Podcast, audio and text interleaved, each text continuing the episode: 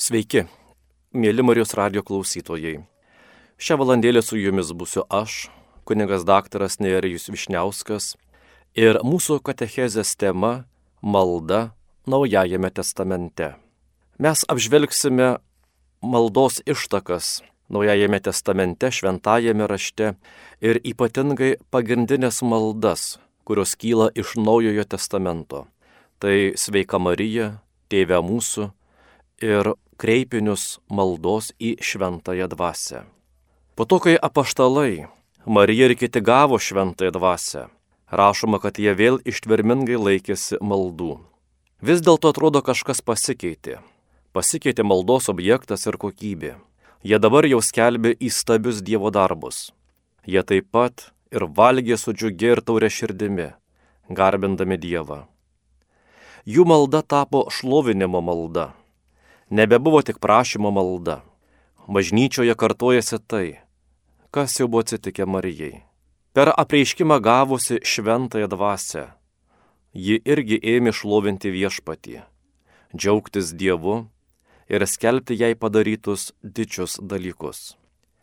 Šventosios dvasios ateimu ištverminga malda nesibaigia, bet praturtėja, išsiplečia jos akiračiai šventosios dvasios ateimas pakelia maldą iki aukščiausių ir labiausiai Dievo vertų formų - šlovinimo, garbinimo, Dievo didybės ir šventumo skelbimo. Naujajame testamente kalbama apie ištvermę ne tik tada, kai ko nors prašoma, bet dar labiau tada, kai šlovinama, dėkojama, garbinama. Pirmiau minėtame laiške Efeziečiams skaitome. Nepasigerkite vynu, kuriame slypi pasileidimas, bet būkite pilni dvasios. Kalbėkite psalmių, himnų bei dvasinių giesmių žodžiais. Gėdokite ir šlovinkite savo širdise viešpatį.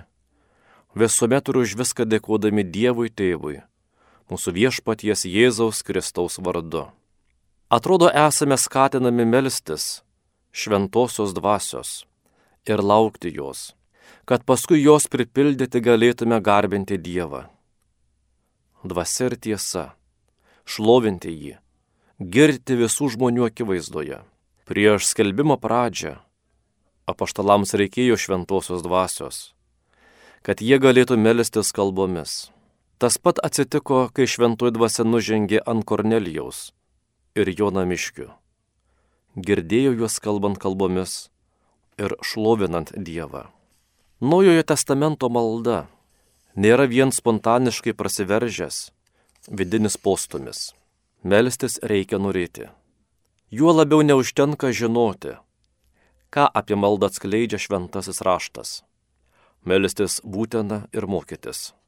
Dėl to šventoji dvasia gyvų perdavimu, šventąją tradiciją moko Dievo vaikus melstis tikinčioje ir besimeldžiančioje bažnyčioje, kuri ir gimsta su naujoju testamentu. Krikščioniškos maldos tradicija yra viena iš formų, kuriomis plėtojama tikėjimo tradicija, ypač ją apmastant ir studijuojant tikintiesiems, kurie saugo savo širdyje išganimo ekonomijos įvykius bei žodžius ir gilinasi į savo pačių išgyvenamą dvasinę tikrovę. Naujajame testamente Šventoji dvasia yra gyvasis vanduo, besimeldžiančioje širdyje trykštantis į amžinąjį gyvenimą. Tai ji mus moko ją priimti iš paties šaltinio Kristaus. Krikščionių gyvenime yra versmių, prie kurių mūsų laukia Kristus, kad mus pagirdytų šventąją dvasę. Bažnyčia karštai ir pabrėžtinai ragina ir visus krikščionis dažnu šventojo rašto skaitimu įgyti Kristaus Jėzaus pažinimo didybę, kaip skaitome apaštalo Pauliaus laiškė filipiečiams. Tačiau jie te atmena, jog šventojo rašto skaitimą turi lydėti malda. Įdant tarp dievų ir žmogaus vyktų pokalbis. Juk kai melžiamės, jam kalbame. Kai skaitome dieviškuosius posakius, jo klausomės, rašoma katekizme. Dvasinio gyvenimo mokytojai Parafrazuodami Mato Evangelijos 7 skyriaus 7 eilutę, šitaip glaustai nusako Dievo žodžio maitinamos širdies nuostatas. Ieškokite skaitydami ir rasite medituodami. Belskite melzdamiesi ir jums bus atidaryta, kontempliuojant. Kristaus ir šventosios dvasios misija - sakramentinėje bažnyčios liturgijoje skelbinti, sudabartinanti ir perteikianti išganimo slėpinį, toliau tęsiasi besimeldžiančioje širdyje. Naujojo testamento dvasinio gyvenimo mokytojai širdį kartais lygina su altoriumi. Švenčiant ir po to malda paverčia liturgiją vidinę bei įima ją savin. Net jei melžiamasi slaptoje, malda visada esti bažnyčios malda ir bendrystė su švenčiausiaja trejybe. Maldos kelias. Bažnyčia tesdama gyvąją maldos tradiciją. Savo tikintiesiems siūlo jų istorinį, socialinį ir kultūrinį kontekstą, atitinkančią maldos kalbą, žodžius, melodijas, judesius, ikonografiją. Apie tų maldos kelių ištikimybę apaštalų tikėjimo tradicijai sprendžia bažnyčios magisteriumas, o ganytojai ir katechetai aiškina jų prasme visada sėdami ją su Jėzumi Kristumi. Nėra kito krikščioniškos maldos kelio, kaip tik Kristus. Kad ir kokia būtų mūsų malda - bendruomeninė ar asmeninė, žodinė ar vidinė. Tėvą ji pasiekia tik tada, kai melžiamės Jėzaus vardu. Tad kelias, kuriuo šventoji dvasia mus veda, mokydama melstis Dievui, mūsų tėvui, yra šventoji Jėzaus žmogystė.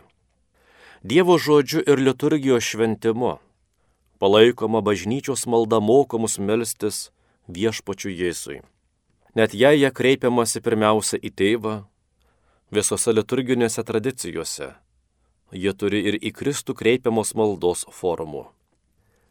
Kai kurios psalmės aktualizuojamos bažnyčios maldoje, o ir Naujasis testamentas įdeda mums į lūpas ir įspaudžia į širdis tos maldos Kristui kreipinius.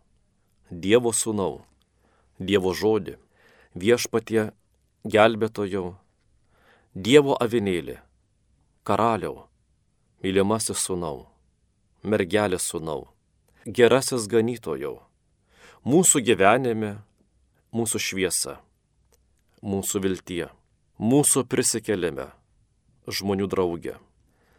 Tačiau visa tai apimantis vardas yra tas, kurį Dievo sūnus gavo įsikūnydamas - Jėzus.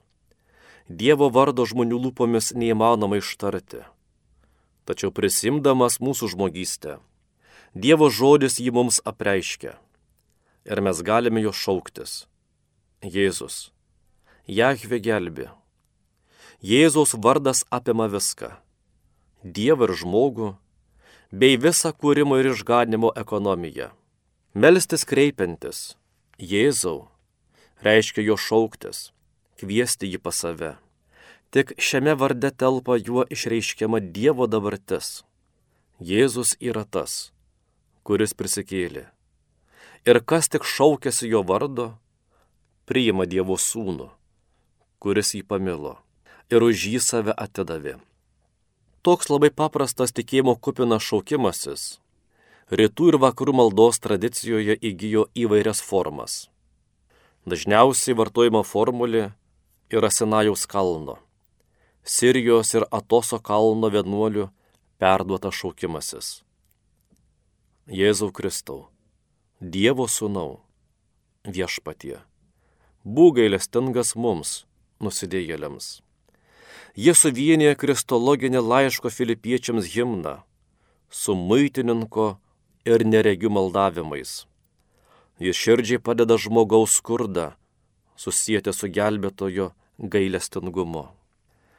Šaukti šventojo Jėzaus vardo yra visų paprasčiausias, nuolatinės maldos būdas. Nuolankia ir dėmesinga širdimi, dažnai kartojama. Ji nepaskęsta žodžių gausume, bet išsaugo žodį ir duoda vaisių kantrumo. Ji įmanoma visokiu metu. nes nėra užsiemimas tarp daugelio kitų, bet ir neprilykstantis užsiemimas - mylėti Dievą. Jėzuje Kristuje gaivinantis ir perkeičiantis kiekvieną veiksmą. Bažnyčios malda pagerbiama ir šlovinama Jėzaus širdis, taip pat šaukiamasi jo švenčiausiojo vardo. Ja garbinamas įsikūnijas žodis ir jo širdis, kuri mylėdama žmonės leido mūsų nuodėmėms jie perverti. Krikščioniškai maldai patinka sekti paskui gelbėtojo kryžiaus keliu. Jos stotis nuo pretorijaus iki Golgotos ir iki kapo nužymi kelią, kuriuo nuėjo Jėzus, savo šventuoju kryžiumi atpirkęs pasaulį. Ateik šventuoji dvasia, naujajame testamente. Nei vienas negali ištarti Jėzus yra viešpats, jei šventoji dvasia nepaskatina. Kiekvieną kartą, kai pradedame melstis Jėzui, į maldos kelią mus nukreipia šventoji dvasia savo iš ankstinę malonę. Kadangi ji moko melstis, mums primindama Kristų, tai argi neturime melstis jai pačiai. Dėl to bažnyčia mus ragina kasdien kreiptis į šventąją dvasę, ypač pradedant ir baigiant kiekvieną svarbų darbą. Įprastinė šventosios dvasios prašymo forma yra per mūsų viešpati Kristų melstį tėvą, kad suteiktų dvasę guodėją. Kaip tik pažadėdamas dovanoti tiesos dvasę, Jėzus pabrėžia, kaip svarbu jos prašyti jo vardu. Bet pati paprasčiausia ir tiesiausia taip pat yra tradicinė malda. Naujajame testamente yra ši. Ateik šventoji dvasia. Kiekviena liturginė tradicija ją savaip išplėtojo priegesmiuose ir himnuose. Ateik šventoji dvasia, pripildyk tikinčių širdis juose ir uždėk juose savo meilės ugnį. Dangiškasis karaliau, dvasia guodėja, tiesos dvasia, visur esanti ir visą pripildanti, visokio gėrio lobynė ir gyvybės šaltinė. Ateik, apsigyvenk mumise nuvalyk ir išgelbėk mus, tu mūsų geroji, skelbia Bizantijos liturgija. Šventoji dvasia, kurios patepimas persunkia visą mūsų esybę, yra vidinis krikščioniškosios maldos mokytojas. Jie kuria gyvąją maldos tradiciją. Žinoma, kiek yra besimeldžiančiųjų, tiek ir maldos būdų. Tačiau ta pati dvasia veikia visuose ir su visais melstis vienybėje su šventai dvasia. Krikščionių reiškia melstis bažnyčioje. Bendrystėje su švenčiausiaja Dievo motina. Maldoje šventoji dvasia mus vienyje su vienatinio sunaus asmeniu, su jo pašlovinta žmogiste, per jį ir jame, mūsų Dievo vaikų, naujojo testamento maldamus vienyje bažnyčioje ir su Jėzaus motina. Po sutikimo, kurį Marija kupina tikėjimo, davė prieiškimo metu ir nesviruodama išlaikė kryžiaus papėdėje. Jos motinystė apima ir jos sūnaus brolius bei seseris, kurie tebe keliauja supami pavojų ir vargų. Jėzus vienintelis tarpininkas yra mūsų maldos kelias. Marija, jo motina ir mūsų motina. Tobulai jie atspindi. Ji yra pagal rytų ir vakarų ikonografijos tradiciją - kelrodė, to kelio ženklas. Suprasdamos tą ypatingą Marijos bendradarbiavimą su šventosios dvasios veikimu, visos bažnyčios plėtojo maldą švenčiausiai Dievo motinai, kreipdamos į ją savo slipiniais besireiškinti Kristaus asmenį, kaip jos širdį. Nesuskaitomose tokios maldos himnuose ir priegesmiuose paprastai vienas kitą keičia du judesiai. Viešpat šlovinamas už didžius dalykus, kuriuos jis padarė savo nulankiai tarnaitiai, o per ją ir visiems žmonėms, ir Jėzaus motinai. Patikimi Dievo vaikų maldavimai ir šlovinimai, nes jį pažįsta žmogaus prigimti, su kuria joje susijungi Dievo sūnus tą dviejopą maldos Marijų judėjimą puikiai atskleidžia Sveika Marija malda. Sveika Marija. Pažodžiu išvertus reiškia džiaugis Marija. Visa malda prasideda angelo Gabrieliaus pasveikinimu. Pats Dievas per savo angelą sveikina Mariją. Mūsų malda drįstame pakartoti pasveikinimą Marijai, žvelgdami į ją taip, kaip Dievas pažvelgė į savo nulankę tarnaitę. Ir jie džiaugtis taip, kaip džiaugiasi pats Dievas.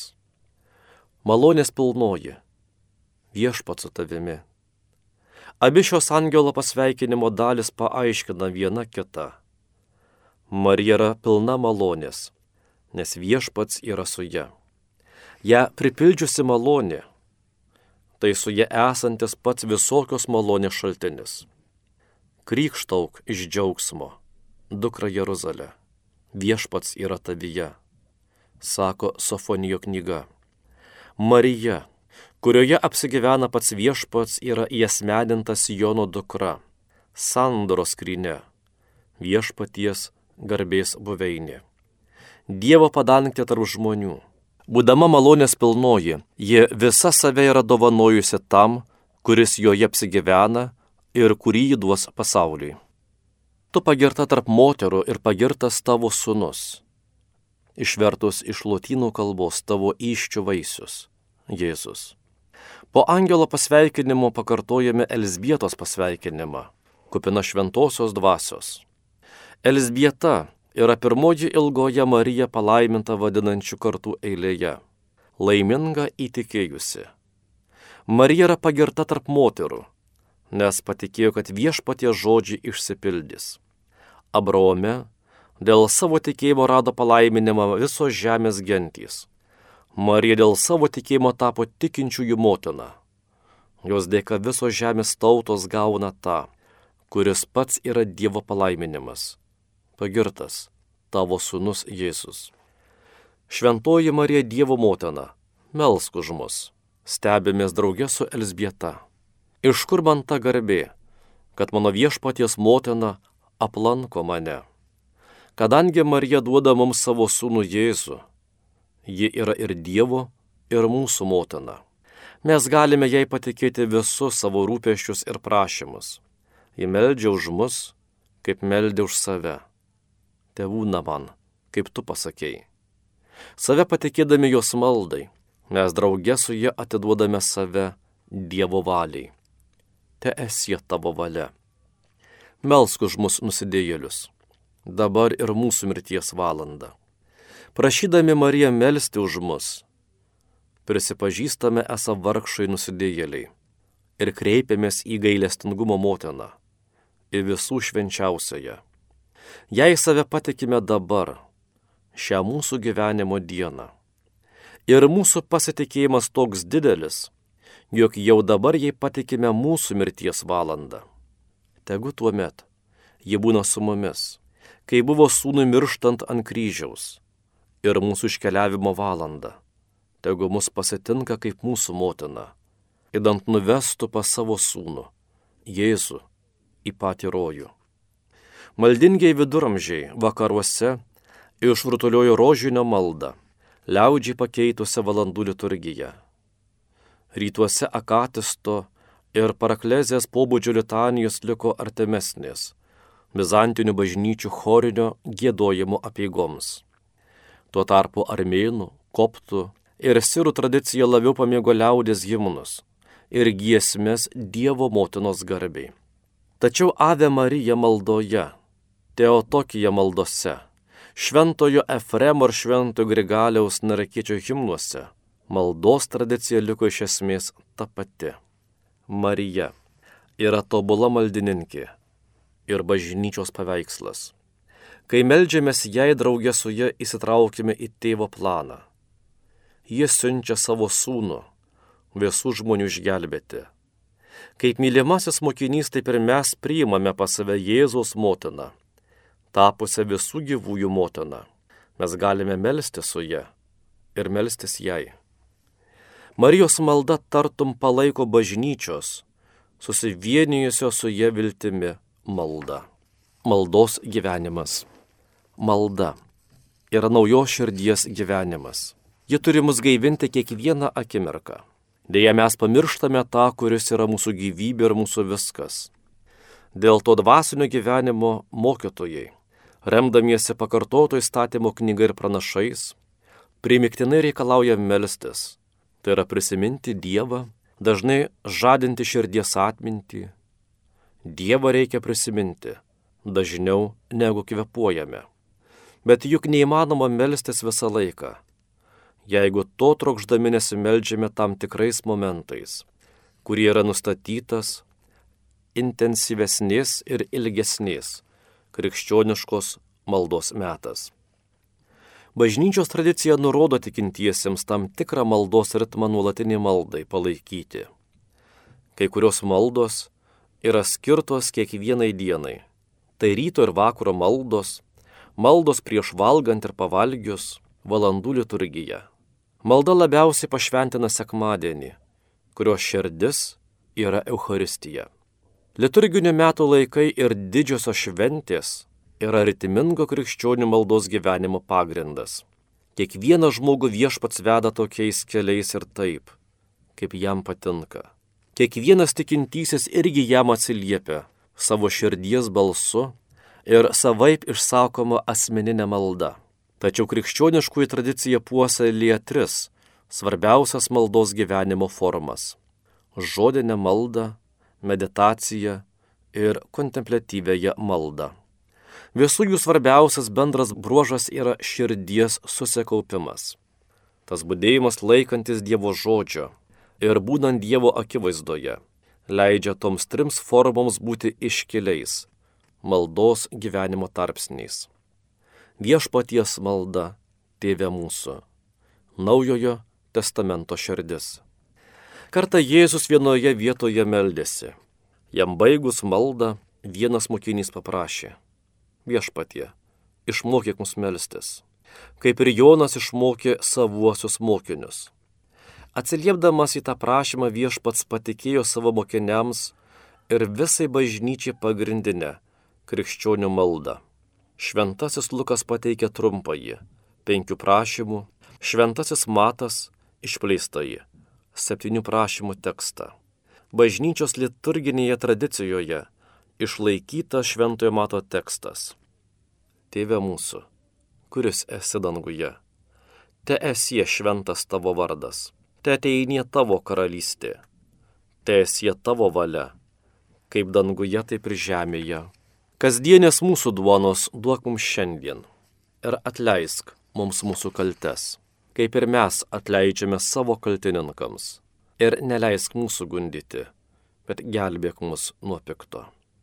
Labai greitai liturgijoje viešpaties malda tapo įprasta užbaigti doksologiją nes tavo galybė ir garbė per amžius. Apaštališkosios konstitucijos dar prideda pradžioje žodį valdžia. Tokia formulė šiandien pateikiama ekumeninėje maldoje.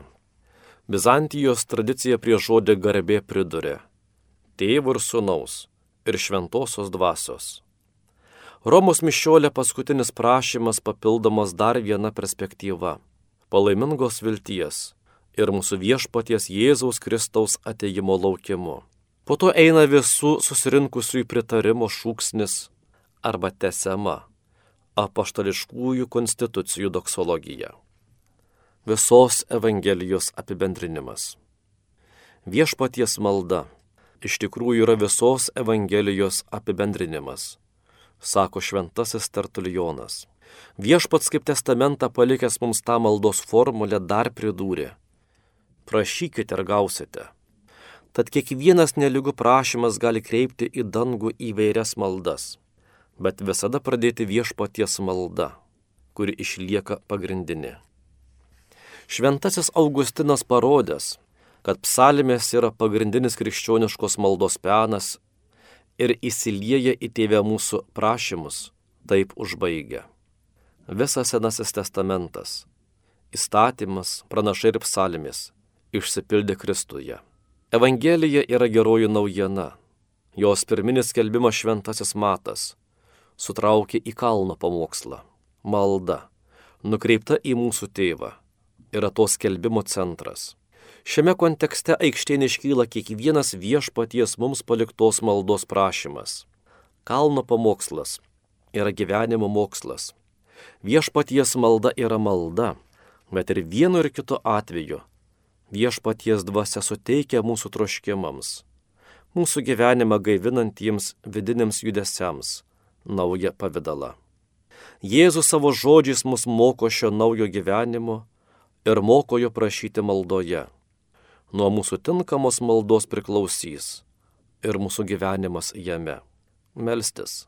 Tai nemechaniškai kartuoti išmoktas formulės ar samprotauti apie Dievą. Melstis. Tai užmėgsti artimą, draugišką ryšį su Dievu.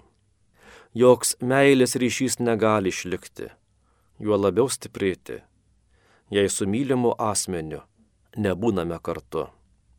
Todėl svarbu kiekvieną dieną skirti nors truputį laiko maldai. Kiek minučių? Tai priklauso nuo aplinkybių ir paties žmogaus apsisprendimo. Būtų gerai, jei surastume pusę valandos. Svarbu pačiam, pačiai apsispręsti, kiek ir kada melstis. Taip pat lankščiai mokėti prisitaikyti prie kintančių aplinkybių. Jeigu nusiminsime, kad ištikimai nesilaikėme to, kam pasiryžome, galime netekti drąsos eiti toliau, ypač pradžioje.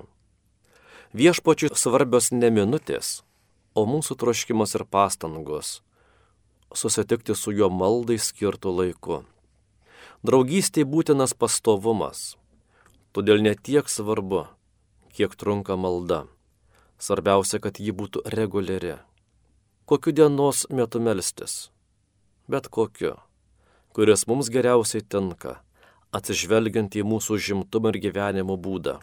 Tuo metu mums niekas neturėtų trukdyti labai naudinga numatyti pastovų maldos laiką ir stengtis kiekvieną dieną melstis tuo pačiu metu. Ir pabaigai norėčiau apibendrinti tėvę mūsų maldą labai gražiais, prasmingais belgų kunigo rašytojo gyvenusio 20-ame amžiuje Šilobos mano žodžiais. Viešpatie, išmokyk mus melstis. O šiandien tai reiškia, viešpatie, gražink mūsų gyvenimą, išlaisvink mus iš materijos, išlaisvink mūsų dvasę ir širdį, išmokyk mus vėl gyventi. Ir viešpats atsako, kai meldie sakyk, tėve mūsų. Kas sako, tėve mūsų? Užmesga meilės ryšių su artimu ir su aukštesnė esybe. Kas sakote, ateinie tavo karalystė? Trokšta ramybės, taikaus pasaulio kad Dievo meilė žemėje būtų juntama. Kas sakote, esie šventa tavo valia, savo vidinės galės pajungia aukštesniai, galingesniai roviai, Dievo meilės roviai, nes tokia yra meilė. Tas, kas kalba tėvę mūsų ir tuo, ką kalba gyvena, gali pakeisti ir save, ir pasaulį. Te ateinė tavo karalystė. Dieve, neleisk man prarasti drąsos nes kas dykumoje drąsą praranda, nebeina toliau ir miršta. Dieve, te ateinė tavo karalystė, te bus nauja žemė, naujas dangus, tavo dangus ant žemės, kur silpnieji ant rankų nešami ir saulė nenusileidžia ant žmonių šypsenos, kur vieni kitus supranta, nors kalba skirtingomis kalbomis. Te ateinė tavo karalystė, tavo karalystė kur ir kitaip galvojantis nevarom iš namų, kur nėra nei kairiųjų, nei dešiniųjų, kur niekas nekankinamas ir nežudomas dėl savo politinių įsitikinimų, dėl savo tikėjimo ir netikėjimo, dėl rasės ar ko nors kito. Te ateinė tavo karalystė, tavo karalystė, meilės ir teisingumo karalystė, namus pripildanti ramybės ir meilės. Ramybę kurianti visose gatvėse, tavo karalystė, kur visas kančias guodžia, mylinčios rankos ir širdys. Te ateinė tavo karalystė, tavo karalystė, kur joks vaikas nebegim šaltyje ir joks žmogus nešals gatvėje. Ir girdžiu Dievo atsakymą. Mano karalystė yra jūsų rankose. Būkite geri vieni kitiems pakeskite vieni kitus, mylėkite vieni kitus. Ilgas valandas Mišelis Foucault, prancūzų istorikas ir filosofas, gyvenęs 20-ame amžiuje, sėdėdavo bažnyčioje ir vis kartodavo tokią maldą. Dieve, jei esi, leisk tave pažinti. Antoninas Sertilanžas, prancūzų katalikų filosofas ir dvasinis rašytojas, gyvenęs XIX amžiaus pabaigoje, XX amžiuje, savo netikinčiojo katekizmo pradžioje įdėjo tokį tėvę mūsų. Tėve, jei esi, išdristų kreiptis į tave. Dieve, jei tu esi ir jei tavo vardas yra šventas, tebūniais laikomas šventu. Jei tu esi ir tavo gale visą tvarko, te ateinė tavo karalystė. Jei tu esi ir tavo valia nulime pasaulio bei dvasios įstatymus, tai vyksta tavo valia mumise ir visuose dalykuose, danguje ir žemėje. Ir duok mums, jei esi, kasdienės duonos, duonų duonos, pažadėtos tiems, kurie gali už ją dėkoti. Jei tu esi, tai aš labai tau nusikaltau. Atleisk man, kaip ir aš atleidžiu man nusikaltusiems. Nepalik manęs ateities išbandymuose, bet išgelbėk nuo visokio blogio. Rabindranatas Tagore, žymus indų poetas ir dramaturgas gyvenęs XIX amžiaus pabaigoje, XX amžiuje, yra parašęs tokius žodžius. Negaliu prašyti viešpatie, kad apsaugotum nuo pavojų, bet prašau, kad nebijočiau jų ir atsilaikyčiau. Neturiu teisės prašyti, kad nuramintum visus skausmus, bet prašau, duok tokią dvasę, kad ištverčiau. Neleisk man bailiai maldauti išgelbėjimo, bet duok ištvermę kovoje už laisvę.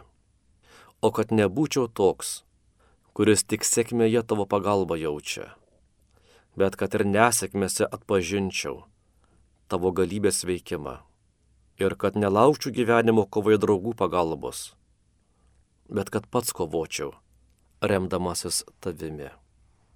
Mėly Marijos radio klausytojai, mūsų katechezės tema buvo malda Naujajame testamente ir šią valandėlę su jumis buvau aš, kunigas daktaras Nerijus Višniauskas. Likite sveiki, garbė Jėzui Kristui.